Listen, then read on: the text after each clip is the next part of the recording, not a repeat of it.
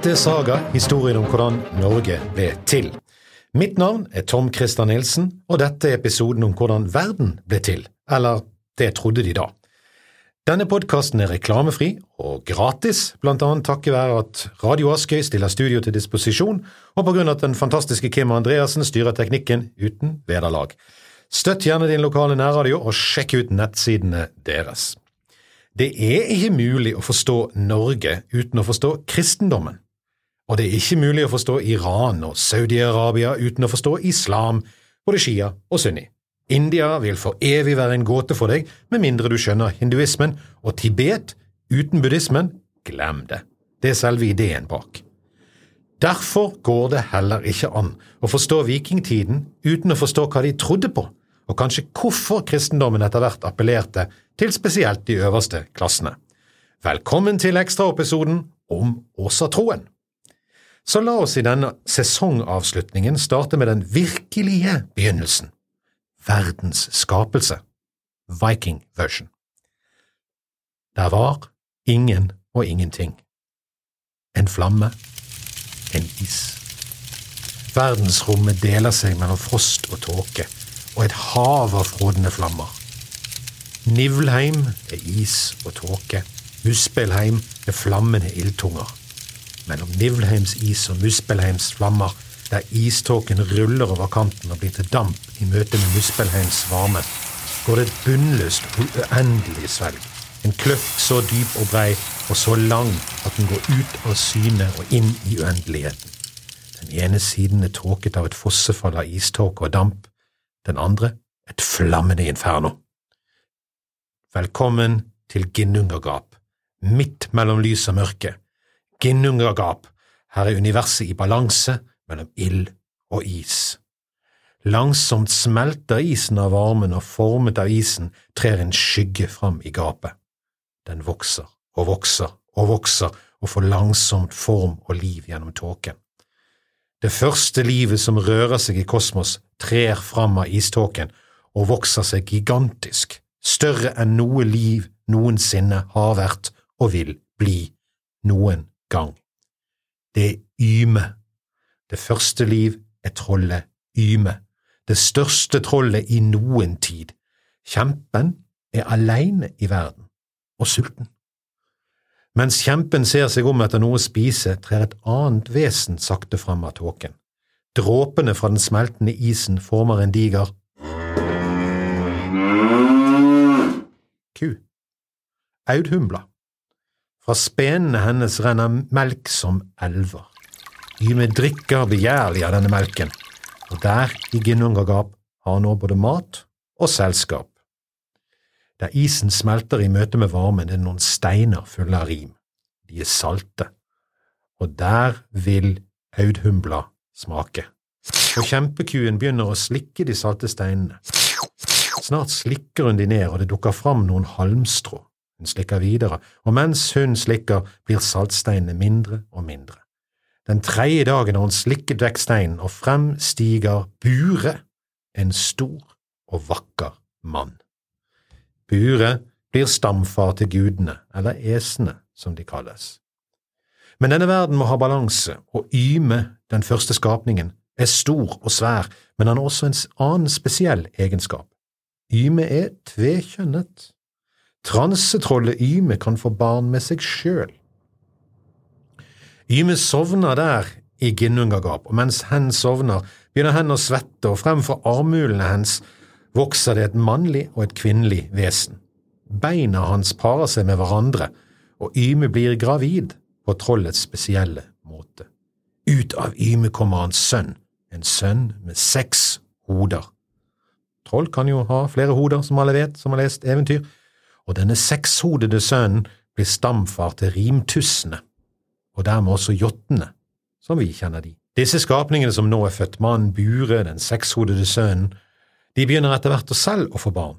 De får også barn med hverandres slekter. En av de sekshodedes ekterkommere, Besla, får barn med mannen Bures sønn, Bror. Bror og Besla får sønnen Odin. Han får også to brødre. Men Ymes etterkommere, rimtussene eller jottene, blir etter hvert mange, veldig mange, de oversvømmer Ginnungagap og området rundt og skaper kaos og uorden, og i dette kaoset er fortsatt kjempen Yme den første og den største. Men nå får Bures etterkommer, Åsaslekten med Odin i spissen, de får nok. Artnung Mossein, denne germanske og norrøne guddommen gjør opprør, mot det permanente kaos for å skape orden. Sammen med sine brødre gjennomfører han et blodig kupp. Det blir en voldsom kamp. Krigsropene gjaller, men de kaotiske rimtussene er mange, og de oversvømmer de. Vel er de mange, men de er uorganiserte, de er kaotiske og løper først i den ene retningen, så i den andre retningen, opp og ned, bak og frem. Likevel, det henger i balansen, ingen vinner, ingen er sterke nok til å rokke ved universets balanse mellom orden og kaos. I Odins hode skapes en plan, et siste desperat trekk. Sammen med brødrene dreper han universets første skapning. De dreper Yme, og blodet hans flommer som en flodbølge over Ginnungagap og drukner alle esenes fiender. Selv kjempekuen Audhumbla må ha druknet, for ingen hører fra henne siden. De skylles over kanten i gunning og forsvinner. Men bak noen steiner og usett for verden har to rimtusser klort seg fast. De overlever syndfloden, og heldigvis for jotnene er det en mann og hans kone. De blir opphavet til jotneslekten, og i deres overlevelse fødes et, et fiendskap som skal ende i ragnarok. Esene drar nå Yme ut i gunning og legger ham som et lokk over avgrunnen. Nå skapes jorden av Ymes lik. Blodet hans blir blått og salt hav, kjøttet til grønt land, tennene og knuste beinsplinter til steiner og ur, og håret til grønne trær og gress. Hjernemassen av alle ting kaster esen høyt opp i luften som skyer. Hodeskallen er så svær at den settes som en hvelving over hele verden og blir til himmelen. Gnister fra Muspelheim ved siden av fanges og blir til sol, måne og. Og fra like til Yme kryper det er, det er, ikke spesielt delikat, dette, men fra like til Yme kryper små makk. Makkene får skikkelser, armer og bein, og blir etter hvert til dverger, de underjordiske som lever inne i fjellet, i huler og grotter. Fire av de velges til å holde himmelhvelvingen og passe på verdens fire hjørner. De får navnene Østre, Vestre, Nordre og Søndre. Og slik ble verden til. Vi kjenner igjen noen av disse bildene. Mørke og lys fra skapelsesberetningen i kristendommen, skapningen som springer ut av kjempen, titanen i gresk mytologi, gudene som gjør opprør og dreper sin forfar, Sefs og Odin, syndefloden som skyller verden rein, det er kjente bilder. Kanskje er det overraskende, men egentlig ikke. Åsatroen slik vi kjenner den, kommer flere hundre år etter at Bibelen er kodifisert, og over tusen år etter at de greske mytene ble formet. Det ville være rart om de ikke var påvirket. Men det forklarer også kanskje hvorfor kristendommen finner grobunn etter hvert. De norrøne menneskene kjenner igjen mange av historiene, og selv om kulturen og etikken er forskjellige i utgangspunktet, er det klare punkter hvor historiene berører hverandre. Og som all religion er det ulogiske og inkonsekvente trekk, og de er mange. Men det er én ting som mangler i denne skapelsesberetningen. Hvor er mennesket? I alle religioner er gudene først, det er rett, men så skapes mennesket. Og slik er det også her, men det spesielle med norrøn mytologi er ikke, er ikke bare at gudene kommer før menneskene, og at troll, dverger og jotner alle er på plass før det første mennesket ser dagens lys. Det sier kanskje noe om menneskeverdet i denne kulturen, at det er mer likestilt med naturen, eh, at det er andre religioner eh, der koblingen mellom mennesker og Gud understrekes, men her, i norrøn mytologi, er det temmelig tilfeldig. Vi snakker altså om tre guder som tar seg en tur langs stranden. Det er ikke en gud som skaper mennesket med en plan for det. Nei, her er det mer tilfeldige greier.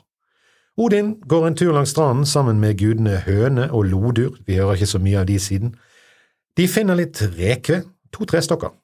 Helt uten noen uhyggelig planlegging og liksom litt spontant der, plukker gudene opp rekveen og gir de to stykkene menneskelige egenskaper. Og dermed er menneskeheten skapt. I kristendommen skapes mennesket i Guds bilde. I norrøn idé er vi rekved som gudene samlet opp. men liket av Yme som nå er jorden, en vill urskog, og utenfor lurer uhyggelige og mørke krefter, som for eksempel musspill, som fortsatt finnes der i Musspillheim. Nå rydder esene denne ville verden. I kanten av Ymes like er verdenshavene. Utenfor bygger de forsvarsverker mot det ville og ukjente i mørket, bortenfor havene eller Ymes blod. Der ute, i Utgard og Jotunheim, bor jotner og troll. Et annet sted utenfor ligger Vanheim, vanenes land. Innenfor forsvarsverkene ligger Midgard, menneskenes hjem. For at menneskene ikke skal føle seg forlatt, bygger gudene sitt hjem midt i Midgard og kaller det Åsgard. Mellom Midgard og Åsgard legger de en bro, Bivrost, eller Bifrost, eller Regnbuen, som vi kjenner den.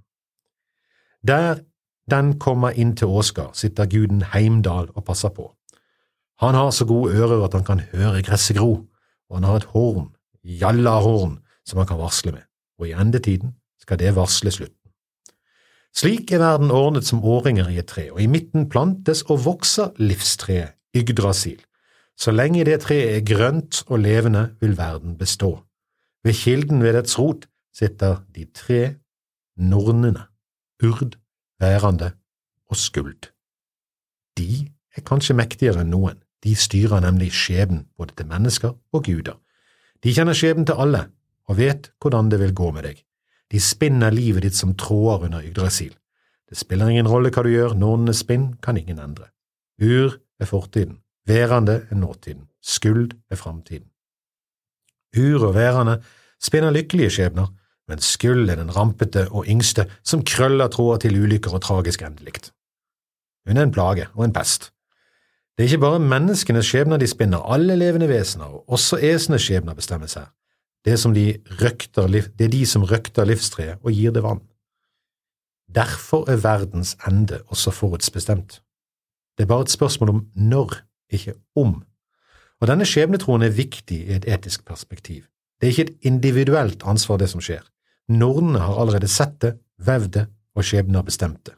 Historien og ditt liv rulles ut som en film, ikke som et valg. Dermed er vold og drap ikke ditt ansvar fullt ut, det er ikke noe du kan gjøre med at mange av dine kjære dør og lider. Det kan føre til passivitet, men også en trøst. Alt er uunngåelig. Men hvordan kunne en sånn skjebnetro gi såpass proaktive vikinger som slåss overalt og reiste til Amerika? Jo, der legges inn en ventil. I Åsgård er Valhall, ja, og en halv til under Frøya. Hallen for døde krigere. Det er en geit som gir mjød for juret, og bacon fra en gris som det går an å skjære så mye en orker, og neste dag er en fortsatt like hel og i live.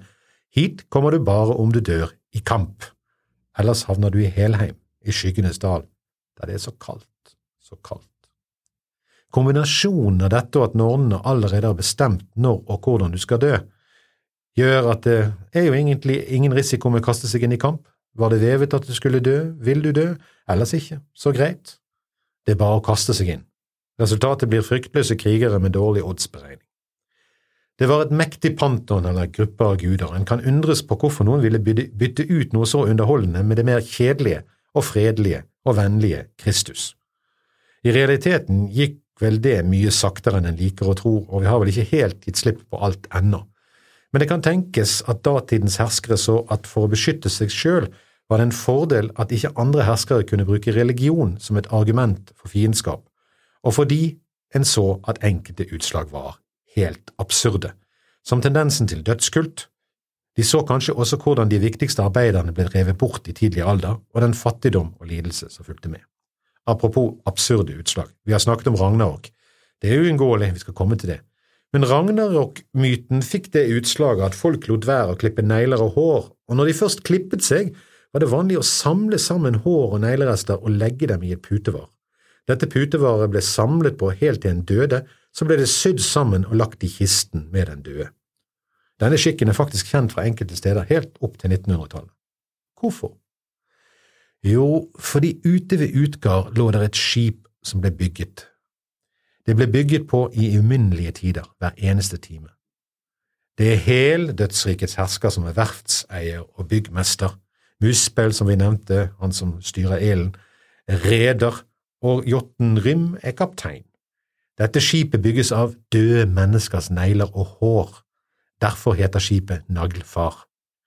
Og Ragnarok eller undergangen skal starte når dette skipet er ferdig, løsner sine fortøyninger og drar av gårde lastet med jotner for å angripe æsene. Derfor var folk redd for å kaste bort negler og hårrester, for de ville Hel bruke til å bygge på skipet sitt. Og æsene er et imponerende pantheon eller samling av guder. Øverste Odin. Snorre beskriver han som en ekte konge fra øst og forfar til ynglingene, altså også dermed Harald Hårfagre. Det tror Thor Heyerdahl også at han var, men Odin eller Wotan er nok mer mytologi enn materie. Han er gudekongen som har gitt bort et øye for visdom. Tenk på dette. Den øverste guden i norrøn mytologi er visdom. Syndefallet i kristendommen, det skjer når Adam og Eva vil vite for mye. Odin bor i borgen Vanaskjalv og har det spesielle spyret Jogne, som treffer alt det sikter på og går gjennom alt og vender alltid tilbake til Odins hånd. Han har også gullringene Draupne som drypper nye gullringer til ham både titt og ofte, som han alltid er rik. Hesten hans er Sleipner med åtte bein som kan løpe til lands, til vanns, gjennom fjell og i luften. På hver skulder sitter en ravn, Hugin og Munin, som hører og ser alt som skjer på jorden. Litt mindre kjent er at han også har to ulver, Gere og Freke. Sønn Tore, tordenguden og den sterkeste og mest respekterte av æsene. I alle forhold når han tar på seg beltet sitt, meginjord, som gir han styrke til å løfte sin berømte hammer, som alltid traff og alltid kom tilbake, akkurat som Odins spyd. Tors vogn ble trukket av to geiter som i likhet med grisen i Valhall kunne spises, for stå, så å stå opp igjen like hele neste dag, så lenge Thor husket å samle sammen beinene i skinnet til geitene. Thor bodde med sin kone Siv på Trudvang. Frøya var Thors kvinnelige motstykke. Hun bodde på Folkvang og var egentlig en vane. Hun var en del av et krigsoppgjør den gang esene og vanene kjempet og ble gift med Odin. Hun var kjærlighetsgudinne, men likner samtidig ganske mye på Pallas Athena og er både fruktbarhets- og krigsgud. Hun var svært populær, så populær at en islending ved navn Hjalte Skjeggsson skal ha blitt forvist fra Island etter han hånet henne i et dikt. De var mange, veldig mange, for mange til å nevne her, og mange drar vi kjensel på også i andre pantheoner. Alle hadde sine historier og sine myter. Men vi skal kanskje komme tilbake til disse gudene seinere. Nå skal vi gå direkte fra begynnelsen til slutten. Dette er et tema vi også kjenner fra andre religioner, endetiden, ikke minst fra kristendommens Armageddon. Den foregår på en slette i Israel. Denne Armageddon, eller denne Ragnarok, foregår på en slette i Åsgard. Det er kaldt, og det har vært kaldt i tre år. Fimbulvinteren er over oss. Solen er bare en kald stjerne, og snøen har lagt i tre vintre i strekk over sommeren. Dette er straffen for alle krigene i årene før. Jorden og menneskene er i ferd med å fryse til is. Jorden begynner å skjelve. Det er som hele verden rister i fundamentet, som om Yme sjøl kommer til live igjen. I dette skjelvet høres et brak der Fenrisulvens lenker bryter og han slukker, sluker solen. Midgardsormen bukter seg mot himmelhvelven og sluker månen. Stjernene slukner, ilden går ut, og verden er i mørke og kulde. En tsunami bryter inn over land, og med den følger Midgardsormen inn på land mens den spruter gift fra hoggtennene sine. På samme tid raser Fenrisulven fremover mens den spruter ild og flammer fra munn og nese, og de to raser og raserer fremover jorden. Samtidig høres nok et voldsomt brak og Ymes skalle, himmelhvelvingen, sprekker og blir delt i to, og gjennom sprekken kommer lys, ild og flammer, og der kommer Jotten Muspel, altså han som styrer ild og flammer, med hele sin gylne hær. Nå ryker fortøyningen som har holdt skipet Naglfar fast, og det, en, og det skipet bærer en hær av jotner mot Midgard og Åsgard. Alt truer på alle kanter. En høy og langvarig lyd høres. Det er horn. Heimdal blåser alt hans lunger klarer og vekker gudene. Gudene samler sine styrker, sine egne, og de einherjer eller krigere, døde krigere, som er i Valhall. Odin drar straks til Yggdrasil. Det er jo dette treet som så lenge det er grønt, så skal verden leve. Men nå rister treet. Bladene faller i kulden av høsten. Odin skjønner at nå er dette endekampen. Esene ruster seg for det som skal komme. Nå blir de angrepet fra tre kanter samtidig. Fenrisulven og Migdgardsormen, jotnene på Naglfar og Muspels skinende hær fra himmelen. Alle samles de tre hærene, og krysser Bivrost eller regnbuen. Heimdal klarer ikke stoppe de, og alle møtes på en stor slette i Åsgard. Odin, Thor og Frøy leder motangrepet. Odin går mot Fenris, Thor mot Middegardsormen og Frøy mot Muspel.